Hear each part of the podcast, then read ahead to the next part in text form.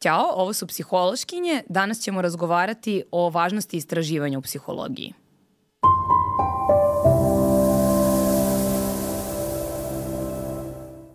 Jednom godišnje negde u junu, julu, avgustu, tako, odjednom na vašim društvenim mrežama često počinju da se pojavljuju stvari poput molim vas pomozite nam da skupimo ispitanike, da masteriramo, da doktoriramo, da skupimo za svoje predispitne obaveze. I to su neki mali slatki psiholozi koji ovaj, pokušavaju uporno da nađu sebi ispitanike, da završe te svoje studije, da bi mogli da nastave da se bave čime? Istraživanjima u psihologiji. I da li i vi nekad tako skupljate ispitanike? Da, ja ovaj, isključivo tako skupljam ispitanike, tako povremeno u naletima osvanem na društvenim mrežama kao influencerka da ovaj, prikupim, a, da prikupim podatke. I to je uvek ono kao, molim vas, ovo meni znači, vama je, vama je malo, a meni je tako puno. Molim vas, molim vas, udelite svoje odgovore. I onda te dobri ljudi šeruju i kažu, molim vas, pomozite, ovo moja drugarica, znate, ona je psihološkinja, ona radi istraživanja, mora sazna nešto o tome šta ljudi misle, kako misle, zašto misle. Mm. I zašto mi to zapravo radimo? Onako. Onako da zabavno je. Zabavno je da dobiješ lajkove, da, da te šeruju. Kao. Pa realno ja volim da vidim da će ljudi da me pomognu. Šalim se.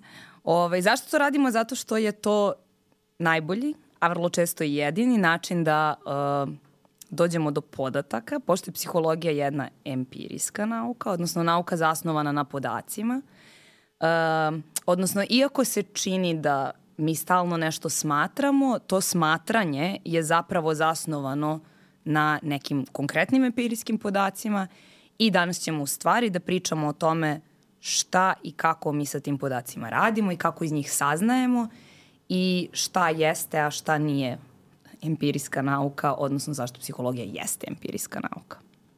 Pa da, i mislim, psihologija se po tome zapravo ne razlikuje puno od drugih nauka. Mislim, daleko od toga da je psihologija jedina empirijska nauka, ali, ove, ali je, ima ta jedan specijalan status zato što nekako deluje kao da je svakome na raspolaganju, kao da svako tu ume nešto da kaže zapravo o tome. Mm.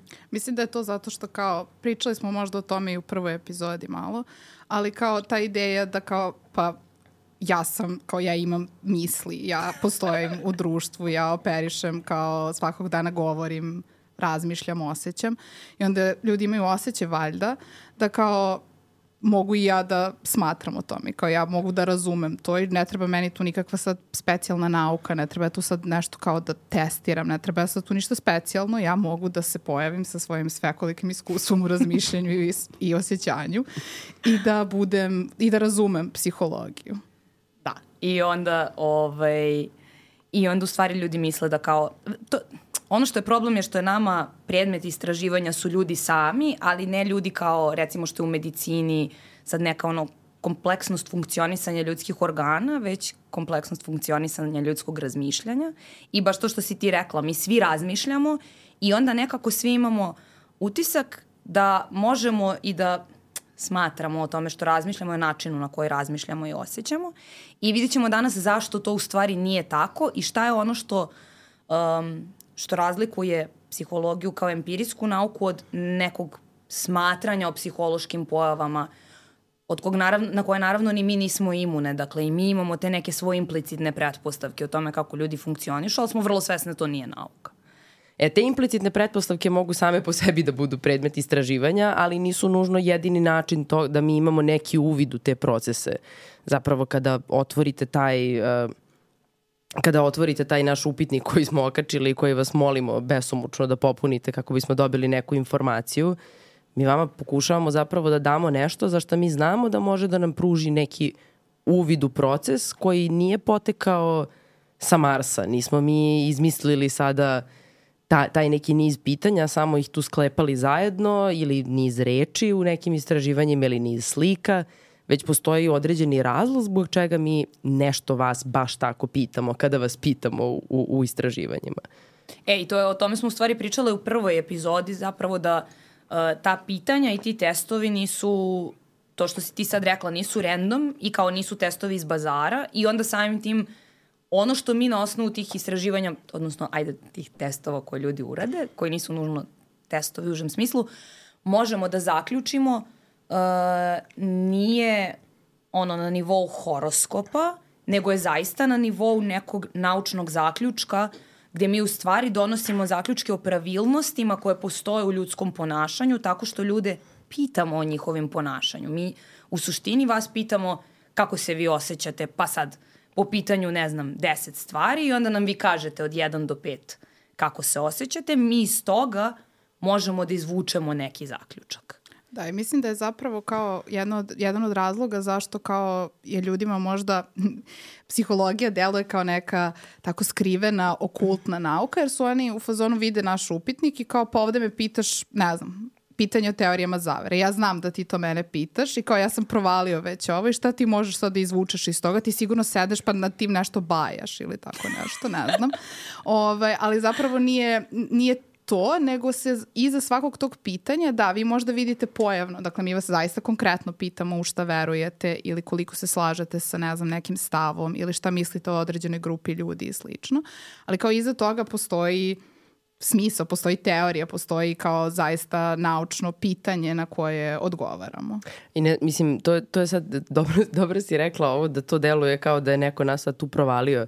Ne želimo mi nužno u svojim istraživanjima da skrijemo šta je cilj tog istraživanja. Mislim, u stvari najčešće ne želimo. Najčešće ne želimo mm. zapravo i nije uh, redko kada će biti neka mistika u pitanju.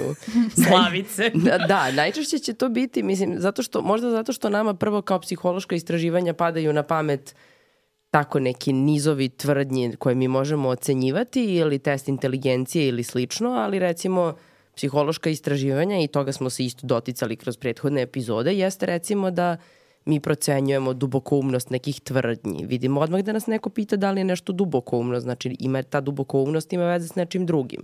Ili recimo pitaju nas da li se slažemo sa nekim tvrdnjama, pa imamo duplo mišljenje da istražujemo. Kao i obično imamo duplo Tako da ove, ovaj, nije nužno uvek možda sad duplo mišljenje nije ono nužno odmah transparentno nekome, ali ja kada dam svoj, kada date neki kognitivni zadatak mm. da osoba mora nešto da računa, da prepoznaje, da brzo reaguje na neku stimulaciju, bilo šta može biti predmet istraživanja. Mislim, ljudi mogu da pretpostave, ali, ove, ali nekako iza svega toga se krije do, obično dosta kompleksna ovaj, do, dosta kompleksna ideja istraživačka koju mi želimo da ispitamo i za koje stoje i hipoteze i teorija i uopšte odakle je poteklo to pitanje i čitav nekakav kontekst o tome. Mislim, a to je zapravo interesantno i zašto nije psihološko istraživanje samo po sebi dato, jeste i malo i zato što je predmet psihologije stvarno svašta. Evo mm. ja sad dok sam nabrajala ove ove različite vidove istraživanja, već smo videli da tu ima i tvrdnje i prepoznavanje i brzo reagovanje i baš psihologija onako tu prednjači sa dijapazonom stvari koje ispitujemo. E da, a to nije u stvari jedinstveno za psihologiju. Mislim da je u stvari tu ono što čini psihološka istraživanja pojavno drugačijim od istraživanja u drugim naukama, upravo, što, upravo to što u njima ne učestvuju samo istraživači, nego učestvuju ispitanici. E, i onda, dakle, ajde recimo da razmislimo o istraživanjima, ne znam, biološkim ili fizičkim eksperimentima. Dakle, to je za nas kao, na, kao naučnu publiku jedna crna kutija. Dakle, neki fizičari su uradili neki eksperiment i zaključili su nešto. I sad mi osim ako smo baš jako zainteresovani za fiziku, nećemo se mnogo baviti time šta se sad tu desilo, nego ćemo reći, aha, dobro, evo, ovi ljudi su sad skontali nešto novo, što može da, ne znam, pomogne u lupam štednji struje ili ne znam nija šta. E, u psihološkim istraživanjima mi imamo tu interakciju sa našim predmetom istraživanja, jer su naš predmet istraživanja ljudi, i imam utisak da u stvari onda zbog toga što, što je, uh, što mi smo u stalnom ono, dobacivanju sa ispitanicima, to je sa ljudima, e, da se onda čini kao da sad mi tu nešto radimo drugačije. A mhm. zapravo ne radimo kao suštinski, onako ako ogolimo psihološko istraživanje je u suštini neko merenje nekih psihičkih pojava koje mi onda lepo kvantifikujemo i o njima zaključujemo na osnovu toga. Da. To si dobro rekla sad, mislim kao naš predmet istraživanja su ljudi i to se nadovezuje na ovo što si ti Ksenija rekla. Kao mi možemo da ispitujemo svašta, baš zato što kao ljudsko ponašanje je jako kompleksno, kao na dnevnom nivou, kao što, koliko stvari pomislite, koliko stvari uradite. Vi morate, znači kao da operišete na jako, na, na jako različitim nivoima. Od toga da ja op, tipa, u, čitam nešto na papiru i kao sada da tumačim kao značenje toga što čitam, percipiram nešto, ono, lightness, brightness, svetlina, ovaj, koliko je tamno, koliko je svetlo. A onda istovremeno moram da razmišljam ono kao o tome da živimo u društvu, pa kao postoje uređena pravila, pa ne mogu da ono pregazim čoveka na putu, pa kao kada pričam sa sobom ti si isto misleće biće, koje osjeća, ja to sve moram da kao prerađujem i u tom smislu kao ljudi su jako kompleksni, pa je i sam predmet kao istraživanja psihologije kompleksan, kao i svi drugi predmeti, ali ima različite nivoe kao na kojima operiše. Tako da predmet istraživanja psihologije je svašta i mi možemo da ispitujemo svašta, ali ne možemo da ispitujemo baš sve kao što se ljudima čini. Dakle, ja ne mogu da čitam vaše misli, Kako to misliš? Pa mogu tvoje, ali kao ne mogu, baš, ne mogu baš sve misli. A kao zašto je to tako? Da, i to je u stvari ono što mislim da naša naučna publika, kad kažem naučna publika, mislim kao ljudi koji, uh, koji slušaju, koji interesuje psihologija kao nauka, pa slušaju, čitaju, gledaju o njoj, uh, da ponekad ne može da se napravi ta razlika Uh, za, zato što na neka pitanja prosto ne možemo da odgovorimo kao nauka. I sad tu postoje, postoje razna pitanja na koja ne možemo da odgovorimo kao nauka, ali ono što je bitno je da um, svako pitanje, to da bismo mogli da odgovorimo na neko pitanje, ono mora da bude proverljivo, odnosno odgovor mora biti da ili ne, a ne kao, znači evo recimo ono što meni pada na pamet tu kao primer jesu istraživanja značenja, to jest, jeste značenje snova. Sad kao mi ne možemo da se vratimo i da kao potpuno uh, ono, raskopamo ljudske snove, zato što kao ne, nemamo, nemamo hipotezu koju testiramo. Znači, nemamo pitanje kao da li ovaj san znači nešto da ili ne, mi na to prosto ne možemo da odgovorimo. E, i onda prosto postoje neke stvari, ja ne kažem da nekada u budućnosti neće moći psihologija da odgovori na ta pitanja, ako ona budu, ne znam, podložna proveri kroz neke neuralne markere, malo više nego što su sada, ali u ovom trenutku prosto na neka pitanja ne možemo da odgovorimo. A da, zato što imamo izvesna ograničenja metoda. Naprimer, ja mogu da zamislim božanstveno nešto da izmerim na neuralnom planu, ali naše mašine koje, mislim, mi nemamo, ali neki drugi ljudi u svetu imaju, prosto ne mogu da, nisu, nemaju tu preciznost merenja, ne mogu da izmere baš sve. A evo kad smo već kod mašina, isto tako i one imaju svoje ograničenja upravo zato što etika ima neka svoje ograničenja, baš zato što nam je čovek predmet istraživanja. No, mogućnost toga da mi istražimo nešto jeste donekle i ograničena etikom. Možemo mi da snimamo magnetnom rezonancom s polja, ali mnogo bi bilo preciznije da mi prislonimo nešto na mozak. Samo to ima trajne posledice, tako da nije baš zgodno da to radimo za, za, za istraživanja. Tako da u stvari psihologija sve vreme titra između toga što može svašta, a mnogo stvari koje se zaista čine kao fundamentalna pitanja ne može. Mm. I onda nekada to suočavanje sa idejom da zapravo mi nemamo kao, nemamo, deluje kao da psihologija odgovara na samo neka sitna pitanja, i jeste u tom smislu onako dosta kumulativna, a opet onda kad se pitamo šta je smisao života, tu nema, nema puno odgovara u psihološkoj empiriji, ako ništa drugo.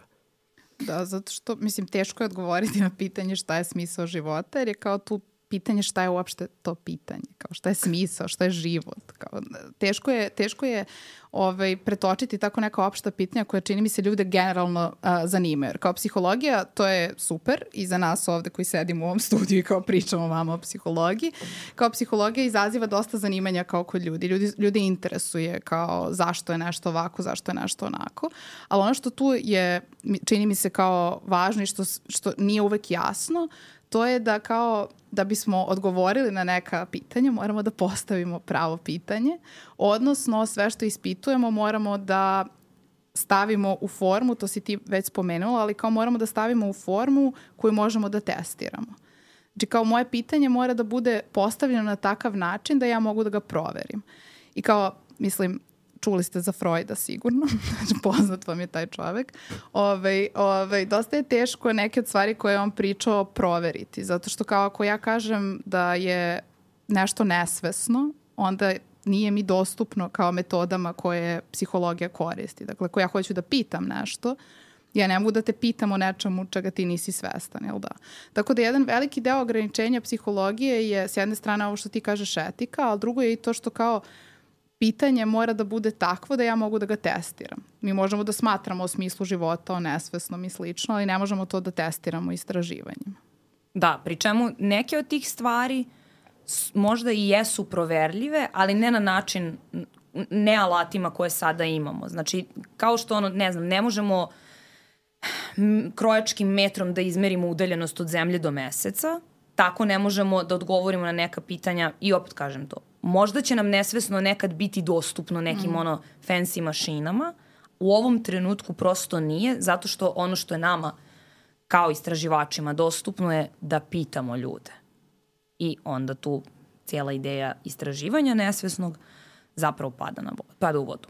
Ne, ali mi čak i da smislimo način da postavimo to pitanje dobro, da mi znamo šta želimo da ispitamo sa tim smislom života i šta je tačno Moramo da, da znamo šta zapravo hoćemo da ispitamo. Možemo da se pitamo u prazno šta je da. smisao da. života i možemo da pitamo ispitanike šta je smisao života, ali ako tako recimo izvedemo istraživanje u psihologiji, dobit ćete ono koliko ljudi toliko ćudi, svako će napisati nešto drugo. Možda bude izvesnih preklapanja, ali mhm. to onda nama u tom slučaju nije informativno. Zato što mi kao istraživači moramo da napravimo istraživanje tako da možemo sebi da omogućimo konkretan odgovor nekakav i zato nam je potrebno da pored toga što imamo i jasno pitanje, da imamo i neka očekivanja šta, šta želimo da dobijemo tu, koja takođe ne padaju s Marsa i ne dolaze iz našeg oh, životnog iskustva, već zapravo te, to dolazi ili od prethodne empirije, a najčešće od prethodne empirije je nastala i nekakva teorija iz koje mi možemo da izvodimo i neke pretpostavke o tome kako će, kakav će biti ishod tog našeg istraživanja. Da, i u stvari to je ono, uh, vrlo često kažemo kao, pa dobro, predmet psihologije može da bude svašta, da, ali nije sve. I zašto ne može svako, svako pitanje da bude psihološko istraživačko pitanje? Zašto ne možemo mi sad tako, eto, random da se pitamo uh, da li je nešto povezano s nečim drugim. Mislim, možemo, kao na fenomenološkom nivou možemo mi kao ljudi, ali mi kao istraživači ne možemo, nego mi svoja pitanja izvodimo ili iz postojeće teorije i vrlo često su ta pitanja u stvari sitna. Ono što ja imam utisak da je uh, generalno neka laička ideja o tome šta je psihološko istraživanje, da sad mi moramo nešto veliko da otkrijemo. Mi vrlo često, sam, samo, to nije samo, ali vrlo često upotpunjujemo neke rupe koje postoje u prethodnim istraživanjima ili testiramo neke teorije sad u nekim novim situacijama.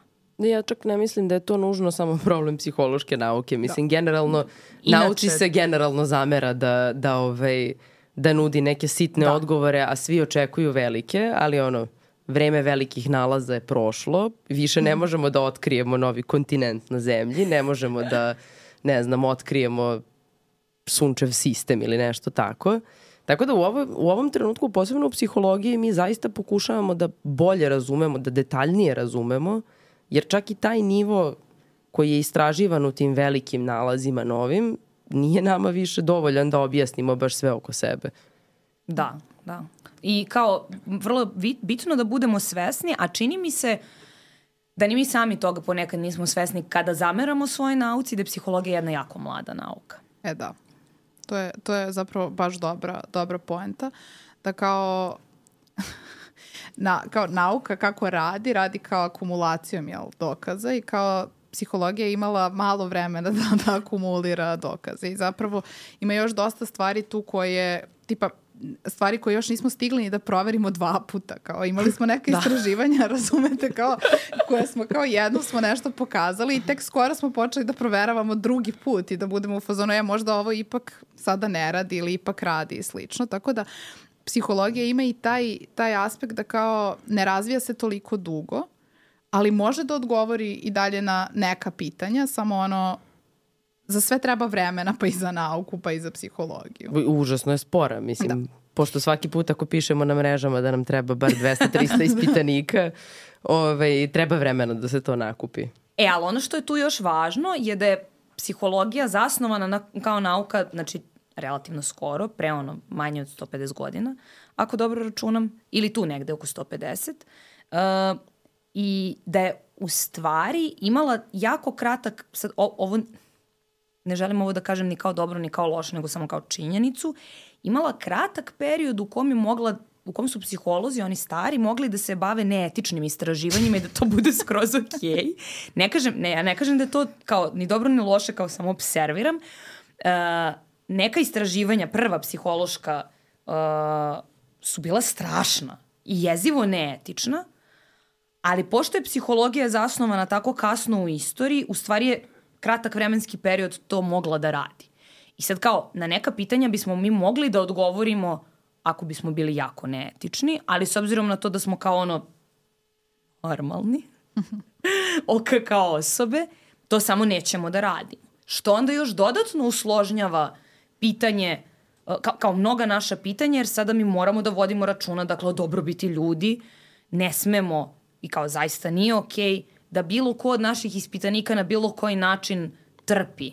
Niti fizički, niti ono emocionalno, na bilo koji način. E, tako da nas onda to još dodatno, ajde da tako kažemo, ograničava u tome kako možemo da istražujemo, šta možemo da istražujemo i koliko. I mislim da je to isto važno, važno napomenuti i kao biti tu pošten ovaj, prema, prema našoj nauci. Ono što je još važno je da mi u stvari sve te pojave koje istražujemo, razne psihološke pojave i fenomene, moramo na neki način da pokušamo da izmerimo i u stvari najčešće ono što mi imamo kao podatak je neki broj.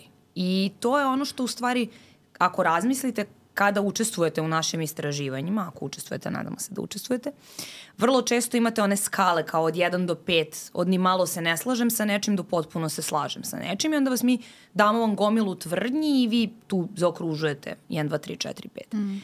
Ili u nekim drugim situacijama vam dajemo zadatke, tu ono što, tu nam je ishod u stvari, to jest informacija o vama nam je da li ste zadatak uradili tačno ili niste. Ili koliko ste ga brzo uradili. Ili koliko ste ga brzo uradili. Tako da, u stvari, ono što stoji iza svakog vašeg odgovora, što mi vidimo i uzimamo u obzir je najčešće neki broj.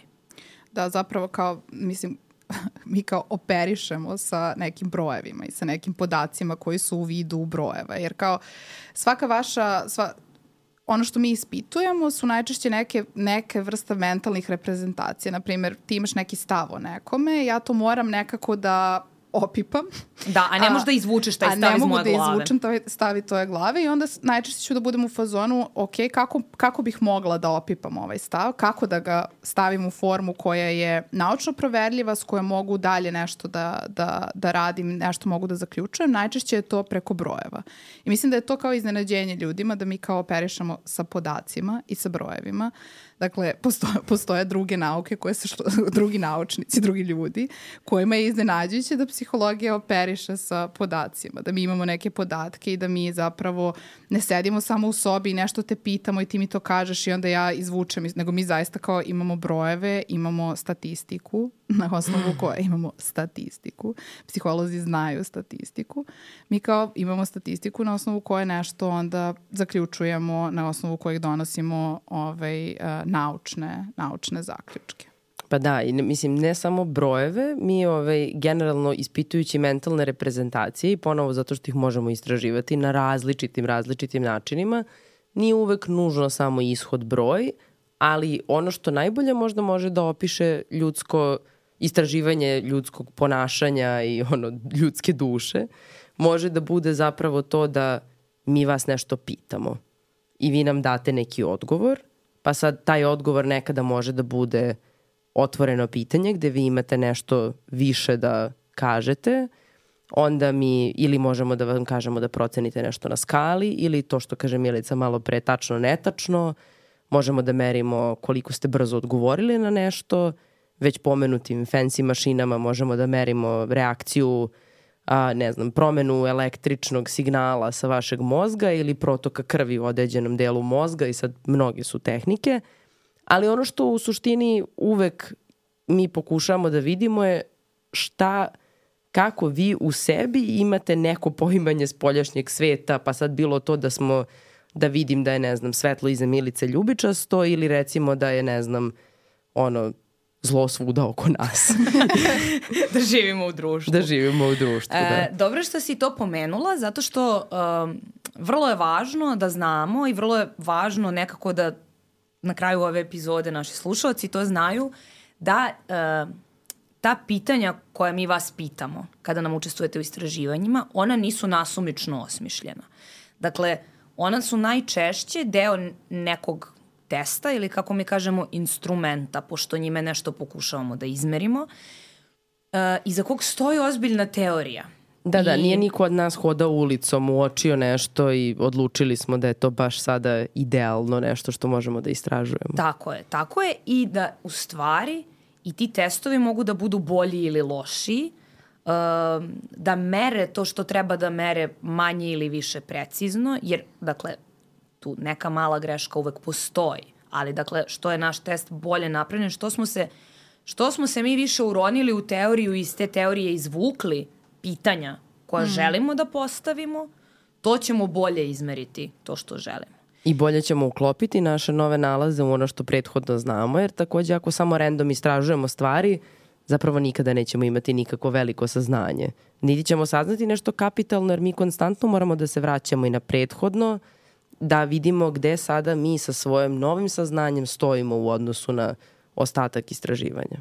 Da, mislim da je to kao, to je jedna od prvih stvari koju sam ja naučila kad sam počela da se bavim istraživanjem i koju sada stalno pričam studentima, a to je da je verovatno neko pre vas već nešto slično radio. Neko, je, neko pre vas je se već ovo zapitao i kao vi niste ono bogom dani novi izvu, izvučali, izvu, izvukli neke, neko ono pitanje koje niko se nikada nije zapitao nego je zapravo postoji cijela kao prethodna i empirija i teorija koja sad može da vodi vaše istraživanje. I zapravo to je dobro. Dakle, to što ste vi kao a, nekreativni, eto tako da kažemo, je- to je super zato što postoji neko ko se već nešto pitao i verovatno su ostala neka nerešena pitanja kod njega u okviru oblasti koja je i vama interesantna, koja onda vi možete dalje da pitate. I to je sušti, mislim, kao, to je psihologija ponovo nije posebna ni po čemu uh, u odnosu na druge nauke, tako radi kao i nauka. Dakle, postoji neka prethodna teorija, postoji neka prethodna empirija, iz te teorije mi izlačimo pretpostavke i onda se nešto, nešto se pitamo. Da. E, Ili- A, izvini, Ne, ne, završi, završi. Ne, ne, kaži. Izvolite. ne, ne, hvala ne, vam. izvolite. Ovaj, e, ali uh, moguće je da je neko postavio isto pitanje kao i vi, ali nije imao so, dovoljno sofisticiranu meru. Mm. To je ono što sam samo htela da kažem. I da u stvari onda ti kad napraviš neku novu sofisticiraniju meru, možda možeš da odgovoriš na to pitanje bolje, što ne, ne znači nužno da dobiješ odgovor da jeste, tvoja hipoteza je tačna, možda je odgovor i ne, tvoja hipoteza apsolutno nije tačna, Uh, ali da, dakle, i taj, znači, što mi više akumuliramo znanja, to smo bolji u pravljenju svojih mera. I to onda bolje opisujemo te mentalne reprezentacije do kojih moramo da dođemo, a ne možemo da uzmemo, ono, otvorimo lobanju, izvučemo mentalnu reprezentaciju i kao sad i nešto posmatramo tu, kao da seciramo žabu, mislim. Jeste, jeste, ali svakako nije, mislim, da, teorija je naravno veoma važan izvor, uh, izvor budućih istraživačkih pitanja. Još jedan interesantan izvor, ne interesantan, ali još jedan ključan izvor zapravo uh, istraživačkih pitanja, posebno u naukama koje su toliko uh, kao što je psihologija, koje su toliko orijentisane ka nekakvoj praksi, jeste upravo i sama ta praksa mm. koja može da zapravo puno informiše psiholoških istraživanja. I to je negde onako i vidite podelu i na studijama negde u te takozvane ono, fundamentalne i primenjene. Mislim, sad to je jedna vrlo veštačka podela i daleko je od toga da se svi bave samo jednim ili samo drugim ili su krajnje isključivi prema onom drugom.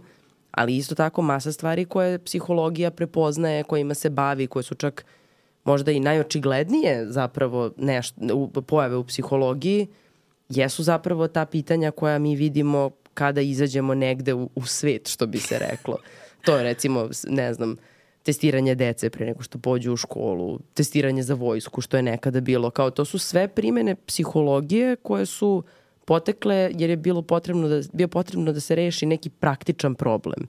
Ali opet i u tim istraživanjima mi nećemo poći od toga da, ok, možda sad ako ja ne umem lično bolje da nešto uradim i ja sam, ne znam, ono, neko ko treba da radi selekciju za vojsku, ne znam, 19. veku, možda moja alat neće biti tako sofisticiran, ali, ove, ali recimo onda će to da izazove čitavu lavinu istraživanja, pa sad kako, kakva god ona bila u datom trenutku, da bismo mi našli nešto najbolje što će da nam kaže da li ovaj čovek ispred nas treba da ide u vojsku ili treba da ga pustimo da ide kući. Sad zapela sam za vojsku bez veze. Da, ali dobro, mislim, ono, pričat ćemo o tome u epizodi o inteligenciji. Dakle, masa istraživanja inteligencije baš je došla s jedne strane iz obrazovnog konteksta, gde je trebalo razdvojiti decu koja jesu i koje su sposobna da pohađaju um, da pohađaju redovnu osnovnu školu od one koje nisu, da bi se ove koje nisu obezbedio na neki način ne, ne, neka vrsta obrazovanja. Ili kada je reč o vojsci, dakle da razdvojimo ljude na one koji mogu i koji ne mogu da idu u vojsku. I mislim kao, bilo bi koliko god ja bila ono antimilitantna, mm. ovaj, ne možemo da stvarno zanemarimo taj aspekt da u stvari iz te dve oblasti došlo, mislim, tu se najviše začelo, ne, da, tu se najviše začelo istraživanje raznih, odnosno ispitivanja raznih psiholoških testova, od kojih neke sad više ne koristimo, a neki su nam pomogli da posle razvijemo nove teorije koje od kojih neki i danas koristimo. Da, da, mnogi ti praktični problemi zaista jesu prerasli u, u neke ono fundamentalne teorijske ovaj, sada stvari koje su daleko prevazišle inicijalnu namenu. Da, ali zapravo je bilo to, kao ja uočavam da postoji neka rupa, neka, neki praktični problem koji sad psiholozi mogu da reši, jer kao to je njihovo, njihovo pitanje i onda ono, klizeći, ulećemo da rešimo. Da Vojska da daje pare. Vojska daje pare, mi klizeći ulećemo da to rešimo. Ali da. Ali mislim da je važno i da se kao ostvarnemo na to da kao nije svako istraživanje psihološko. Nije svaki upitnik psihološki, da.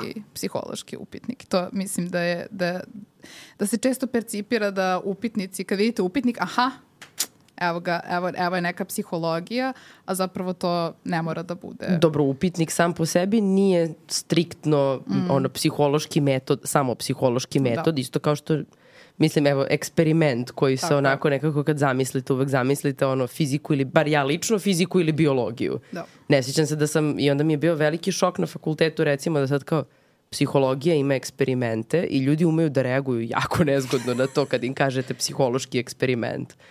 Jer tu onako Jeste, svašta zvuči, pada na pamet. To zvuči mm. dosta zeznuto i to zvuči kao sad ne znam, jedino gore od toga je socijalni eksperiment. I onda kad se baviš socijalnom psihologijom, to je to, to da, je da. bingo, brate. A nažalost, ra, nažalost o trivialno je, trivialna je stvar, jedna, ono, jedna grupa dobije nešto, druga ne dobije nešto i to nešto može da bude recimo to nešto je crvene boje, nešto nije crvene boje. Da, da, ili u mom slučaju kao jedni čitaju jedan tekst, drugi čitaju drugi tekst i onda ja i onda ih posle pitam ista pitanja i onda nešto zaključujemo njima.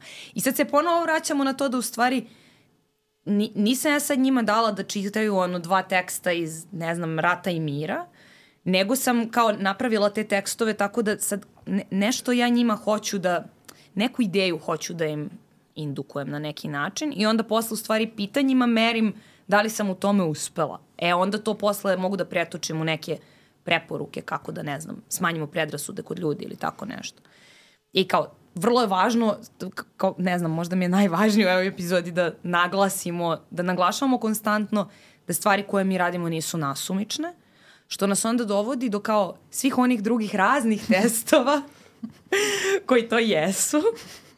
dakle, ono, testovi iz Blitz žene, kao koji ste tip nečega, ili testovi koji se izdaju za testove ličnosti, recimo, a ne mre ništa. Da, to je, to je ovaj, zapravo, uh, zapravo dobar ovaj, dobar, do, dobar trenutak da popričamo. Da li želite da popričamo o lažnim testovima ličnosti? Jer zaista postoje, postoje ti kao postoji cijela industrija kao testova, kao upitnika koji se ovaj, propagiraju da su psihološki, da iza njih stoji istraživanje, da iza njih stoji nauka, a zapravo nauka koja, mislim, kao, nije da nisu, nije da se nauka nije bavila njima, ali ono što je nauka... Da, da, ono što je nauka o njima rekla je ovo ne valja ničemu. Pa isto kao, isto kao i ovo što smo sad pričale za vojsku. Očigledno postoji potreba u praksi. Za vojskom. Ne.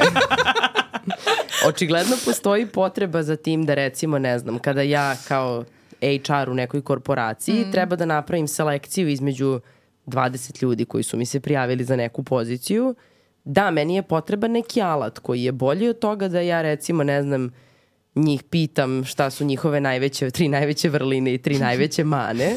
I onda je to naravno, mislim, izazvalo čitavu poplavu i, i stvarno industriju, što ti kažeš. Da. Kao postoje kompanije koje se bave prodajom, kreiranjem, preprodajom i, i sklapanjem pa prodavanjem tih testova iz raznih drugih testova. I ove, ima jedan koji je onako svima nama vrlo, vrlo upečatljiv i vrlo je popularan na internetu i svi ga jako vole. Koji je? 16 personalities. Da, to je zapravo kao Myers-Briggs test koji je sad se ovaj, rebrandirao. To kao sve što, sve što ne valja, samo nalepiš novo ime pa onda kao bude malo bolje. Kao E, pa to i psihologija sa- radi često. da, da, kao onaj mim kad, da. Ovaj, ali kao, to je Myers, Myers-Briggs uh, test ličnosti koji navodno ljude može da podeli u nekih 16 kategorija i zapravo to su ona slova koja se kao dodeljuju ljudima. Ljudi jako vole tu kategorizaciju, vole da se smeste u neku grupu jer je tako lakše, isto koji sa ono, astrologijom.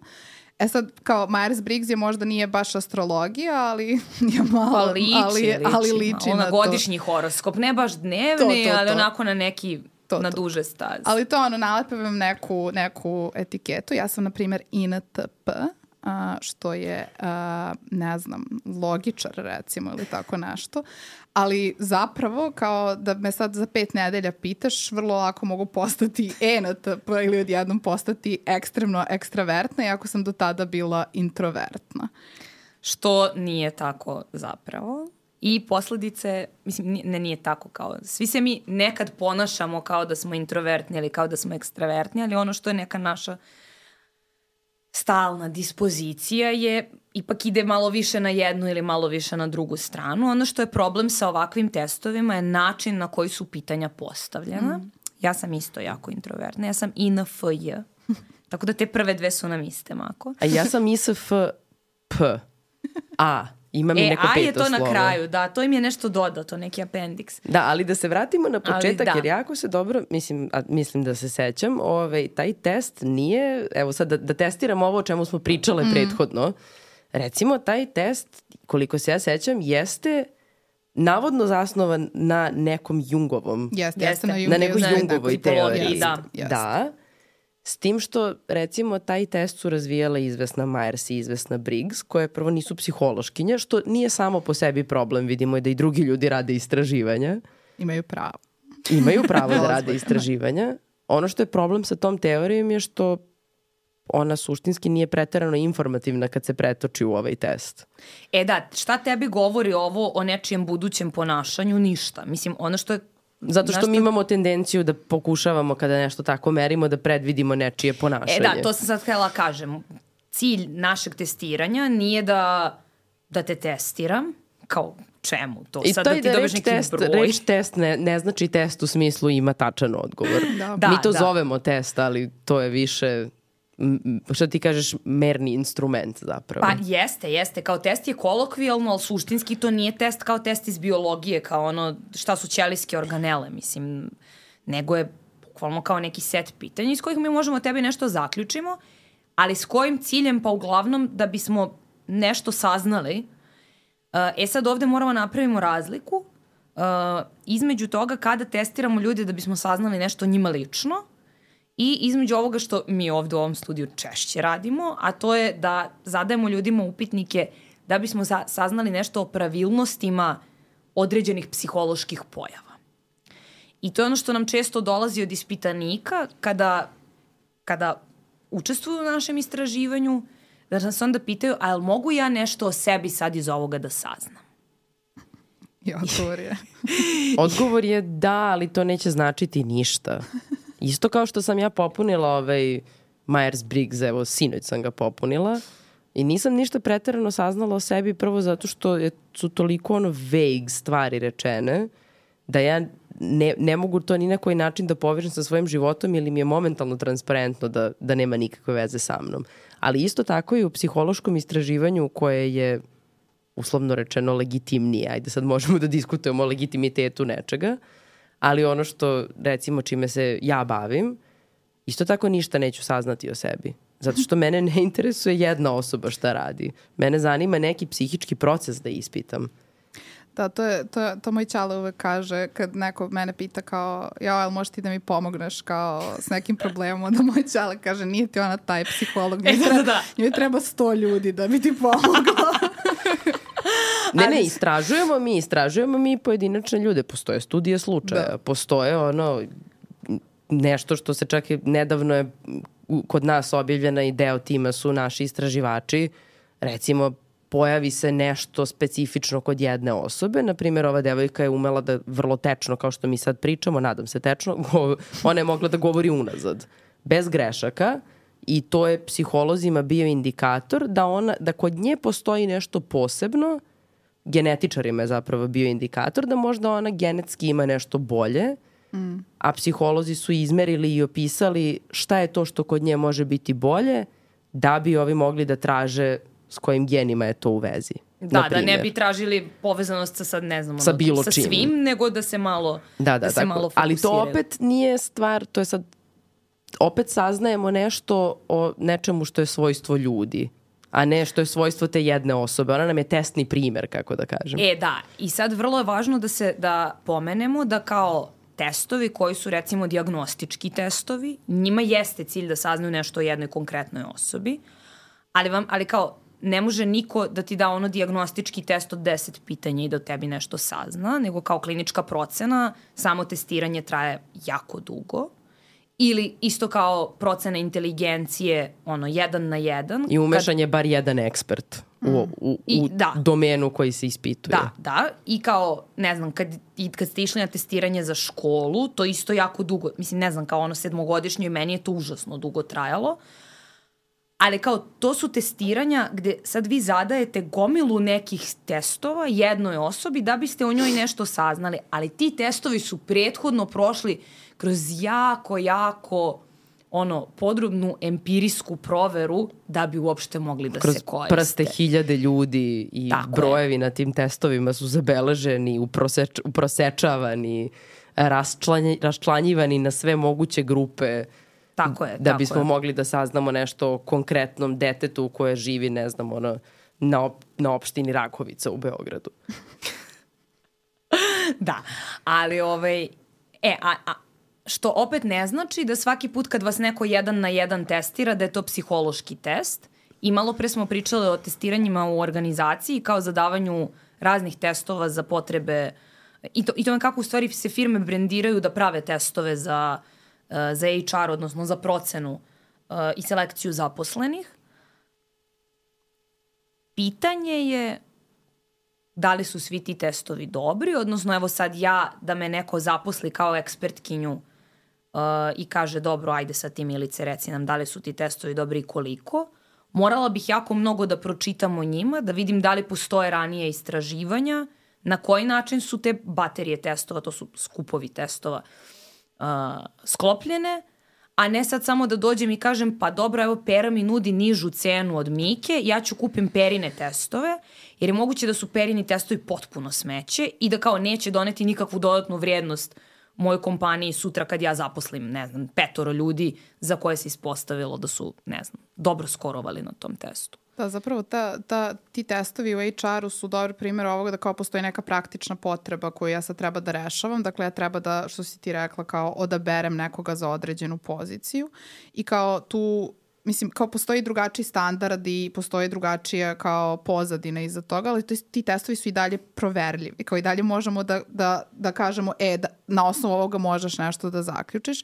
I ovaj Myers-Briggs o kome smo pričali se dosta koristi u HR-u, zato što je zgodan, zato što imate tih 16 tipova i svaki je nešto i može lepo da se nacrta i da kao bude neka Ovaj, da bude seksi. Da bude seksi. I vrlo konkretne, konkretne Jeste. odgovore. Znači, Jeste. ta četiri slova, svako slovo znači ovaj je jedan od dve mogućnosti. Da. U, znači, može da bude ili i ili je. Ili introvert ili ekstrovert. E, a sve te crte su zapravo dimenzije da. i to je ono čega moramo uvek da budemo svesni. Znači, to svrstavanje u kategorije Pri čemu ja sad stvarno ne govorim o diagnostičkim kategorijama, ja nisam kliničarka, nisam učila kliničku procenu, ali znam da i kliničari uglavnom daju tendenciju ka kategoriji i kao znamo da se sada i, uh, ne znam, ove, ove poslednje klasifikacije mentalnih poremeća sve više idu ka tom nekom dimenzionalnom pristupu gde si ti u stvari više nešto nego nešto drugo, a nisi sad ti opisan pomoću, ne znam, kao četiri kategorije, kao u ovom Myers-Briggs testu.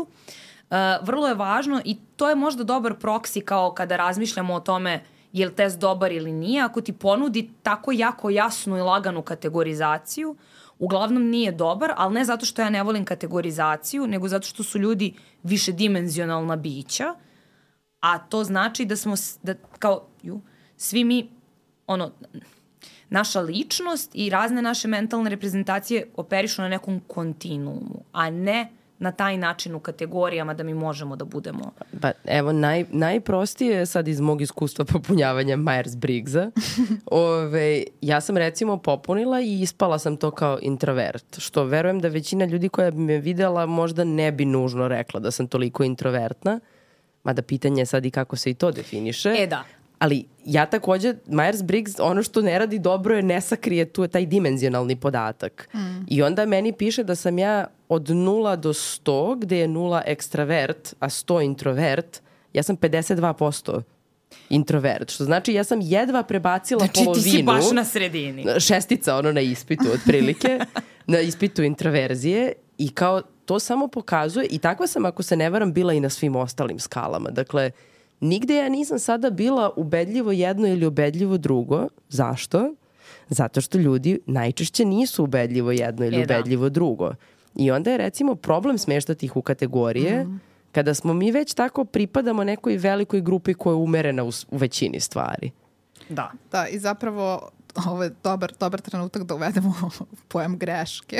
dakle, kao nijedan instrument nije savršeno precizan, nije ni naš metar savršeno precizan, nije ni bilo, koja, bilo koji instrument za bilo šta savršeno precizan, tako nisu ni psihološki instrumenti. Problem sa ovim smeštanjem u kategorije je što si ti 52 na nekoj skali, a sutra možeš biti, za pet nedelja možeš biti 54. I to ili za, 48. Ili 48. Da. I to za nas nije, ako razmišljamo u terminima dimenzija, to nije problem, jer kao ti, ope, ti ono, ti si oko ti sredine, na toj nekoj brate, sredini, da. ali šta je tu problem? Problem je što ako si sada bila introvertna, a sledeći put dobiješ 54 ili 48 pa odeš u ekstroverte, to je problem za ovu kategorizaciju. Ti ideš odjednom od jako povučene, okrenute ka sebi, gleda samo svoj svet, ono, ne živi u društvu, postati osoba koja ono... Party uh, manijak. Da, da, manijak voli da ono, izaziva sudbinu i voli ekstremne sportove, skače sa vrha filozofskog banđa. Razumeš kao kao to je, to, je, to, je, to je zapravo problem te kategorizacije. A jeste, mislim, čak i, čak i oni kao precizniji psihološki instrumenti, na primjer ovi kognitivni zadaci koji mm. se koriste u mojoj oblasti, čak i tu mi ne možemo, mislim, evo, čak i da dođemo do mašina, ono, mm. mi ne možemo izmeriti maltene ništa precizno. Jer sad, to, to. meni kad, ispi, kad ja kad ispitaniku treba da izmerim vreme reakcija na ono, klikni dume kad ti se pojavi tačka na ekranu, znači najprostije, to se doslovno zove prosto vreme reakcije, ove, mi moramo da uzmemo u obzir da ono, postoji latenca kad ja kliknem dok ne prođe kroz kabel do kompjutera. I mislim, i dok ja, mogu ja da prepoznam to, jer ja kao psihološkinja želim da saznam koliko je čoveku potrebno da to prepozna, ali ja, da, bi taj, da bih ja znala da je čovek prepoznao, on mora da reaguje. Pa onda ako neću da reaguje, ja onda hoću da izmerim neke moždane signale. Ali i tu sada dosta zavisi od toga koliko brzo naša tehnologija to može da prepozna koju mi imamo pa šum prolaza tih električnih signala kroz glavu, pa mogućnosti mašine, rezolucija koje nam nude. Dakle, redko kada takođe možemo da dobijemo ultra, ultra precizan opis i zato je psihologiji dosta pipavo da opisuje jednog čoveka, jer prvo varijacije su mnoge, a merni instrumenti nisu savršeni. Odnosno, manje su savršeni možda nego u nekim drugim naukama generalno, ali onda zato mi merimo na puno slučajeva, na puno ljudi, I ono, zato stalno tražimo da nam popunjavate dugačke upitnike i da vas baš puno popuni, baš dugačak upitnik, jer moramo se da vas pitamo sto puta da bismo što pouzdanije znali da ste nam vi nešto rekli kako treba. Da, i sad to je ono, iako, je, iako mi zaista ne možemo da izmerimo stvari precizno i vjerojatno nikad nećemo moći, užasno je važno da znamo da kao to nije, mislim, to je manjkavost naše nauke, ali ona ne čini našu nauku manje naukom. Odnosno, mi kao ljudi koji mere te stvari smo svesni da greška merenja postoji. I uzimamo je u obzir kada donosimo zaključke i onda ako znamo da smo, a, mi možemo poprilično dobro matematički da procenimo tu grešku i što više puta nešto izmerimo, to jest na što više ispitanika nešto izmerimo, to ćemo preciznije moći da procenimo grešku, a onda ćemo samim tim preciznije moći da kažemo, e ok, ja sam ovo izmerila poprilično dobro i sad mogu da vidim da li je to povezano s nečim drugim. Ili ja ovo nisam izmerila dobro, I'm sorry, probat ću ponovo, nešto mi ova mera ovde ne valja, kao ono, merila sam, ne znam, prate zeca na, so, na, na stočnoj vagi, ne znam, kao to.